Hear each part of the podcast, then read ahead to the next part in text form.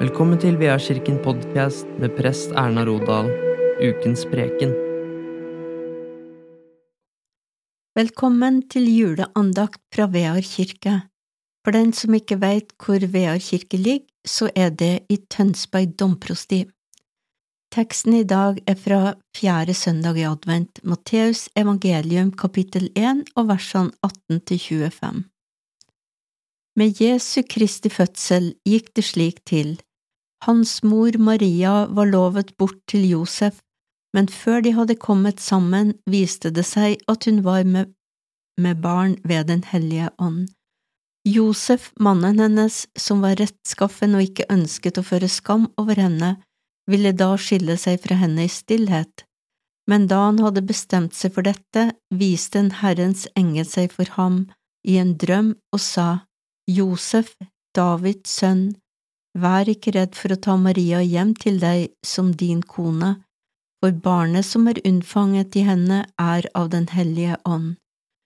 Hun skal føde en sønn, og du skal gi ham navnet Jesus, for han skal frelse sitt folk fra deres synder. Alt dette skjedde for at det ordet som skulle oppfylles som Herren har talt gjennom profeten. Se, jomfruen skal bli med barn og føde en sønn, og de skal gi ham navnet Immanuel. Det betyr Gud med oss. Da Josef våknet av søvnen, gjorde han som Herrens engel hadde pålagt ham, og tok henne hjem til seg som sin kone, og levde ikke sammen med henne før hun hadde født sin sønn, og han ga ham navnet Jesus. Slik lyder det hellige evangelium. I Lukas evangelium får vi historien om Jesu fødsel presentert fra Maria sitt ståsted, men i Matteus evangelium får vi historien sett og fortalt fra Josef sitt perspektiv og hvordan han opplevde det. Mens Lukas forteller historien om en begeistra jødisk jente som skal føde Guds Messias, så forteller Matteus om den nøkterne Josef som oppdager at forloven hans er gravid uten at han sjøl skiller det. Begge fortellingene er selvstendige fortellinger. Det punktet de kommer nærmest, er da engelen kommer med budskap fra Gud og sier frykt ikke. Fortellinga om hvordan Jesus ble til ved Den hellige ånd, og det at Maria, Jesu mor, var jomfru, har jo i alle år skapt diskusjoner. De som ikke tror at Gud finnes, tror selvfølgelig ikke på det her underet heller. Noen tror kanskje at helbredelse og andre merkelige ting kan skje, men at de egentlig har en naturlig forklaring, men at en baby kunne bli født som ikke har en jordisk far, det er for drøyt å tro på. Sjøl så kan jeg huske så langt tilbake som i barneskolen at det her var et tema for diskusjon i klassen, og at jeg sjøl aldri skjønte hvorfor det var så vanskelig å tro på når det faktisk er snakk om noe som den allmektige Gud gjør, Han som har skapt himmel og jord og hele universet og alt som lever. For Gud var jo ingenting umulig. Det har jeg alltid tenkt, at sånn i min enfoldighet, både som barn og som voksen. Og skriftene i Det gamle testamentet forteller oss om at Gud stadig gjorde under og mirakler. Tingen er at Gud valgte å komme til jorda på denne måten. For Matteus, som vi regner som forfatter av dette evangeliet, og som har et svært jødisk perspektiv på alt, så er ikke Guds overnaturlige opptreden i historien noe nytt.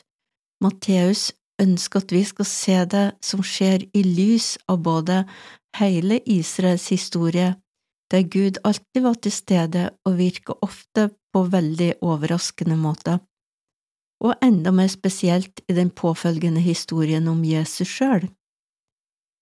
Gjør resten av historien og Jesu innflytelse på verden og utallige menneskers liv etter at han kom til verden, at du synes det er mer eller mindre sannsynlig at han virkelig ble unnfanget ved en spesiell handling ved Den hellige ånd.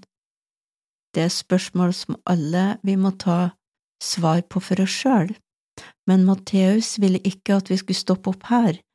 Han ønsker å fortelle oss noe mer om hvem Jesus er ved å fortelle om de navnene han fikk, navnet Jesus og navnet Immanuel.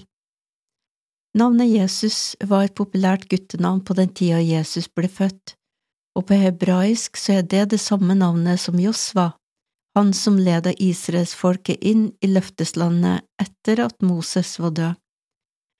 Matteus ser Jesus som den som fullførte det som Moseloven hadde pekt på, men som ikke kunne fullføre i seg sjøl.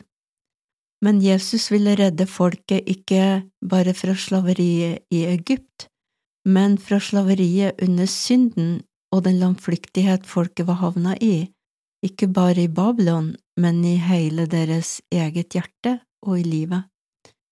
Som en kontrast er navnet Immanuel, som er et navn nevnt i Jesaja kapittel 7 og vers 14, og som er sitert i dagens tekst, så er det her et navn som aldri ble brukt eller gitt til noen andre enn Jesus, kanskje fordi at det navnet betyr Gud med oss, og det var vel ingen som vil gi det navnet til et barn. Men hele evangeliet etter Matteus er ramma inn i temaet Jesu løfte om å være med sitt folk helt til verdens ende. Begge navnene til sammen uttrykk meninga med hele fortellinga i evangeliet. Gud er til stede hos sitt folk, han griper ikke inn på avstand, men er alltid aktiv, av og til med den mest uv på den mest uvante måte, og Guds handlinger er retta mot å redde mennesker fra en hjelpeløs situasjon, og krever at han tar initiativ og gjør ting folk hadde sett på som utenkelig. Det er den Gud, og det er den Jesus som Matteus nå vil fortelle oss om, og som han stiller opp foran oss. Det her er den Gud, og det er den Jesus som kommer til oss, fortsatt i dag når menneskelige muligheter kommer til kort. Da er det Gud trer inn på uforklarlig vis og gjør ting som er umulig for oss mennesker. Her er det Gud som kommer inn og oppfyller sine løfter ved sin mektige kjærlighet og nåde. Ære være Faderen og Sønnen og Den hellige ånd, som var, er og blir en sann Gud fra evighet og til evighet. Ta imot velsignelsen. Herren velsigne deg og bevare deg. Herren la sitt ansikt lyse over deg og være deg nådig. Herren løfte sitt ansikt mot deg og gir deg fred. Riktig god jul, alle sammen, og Guds fred.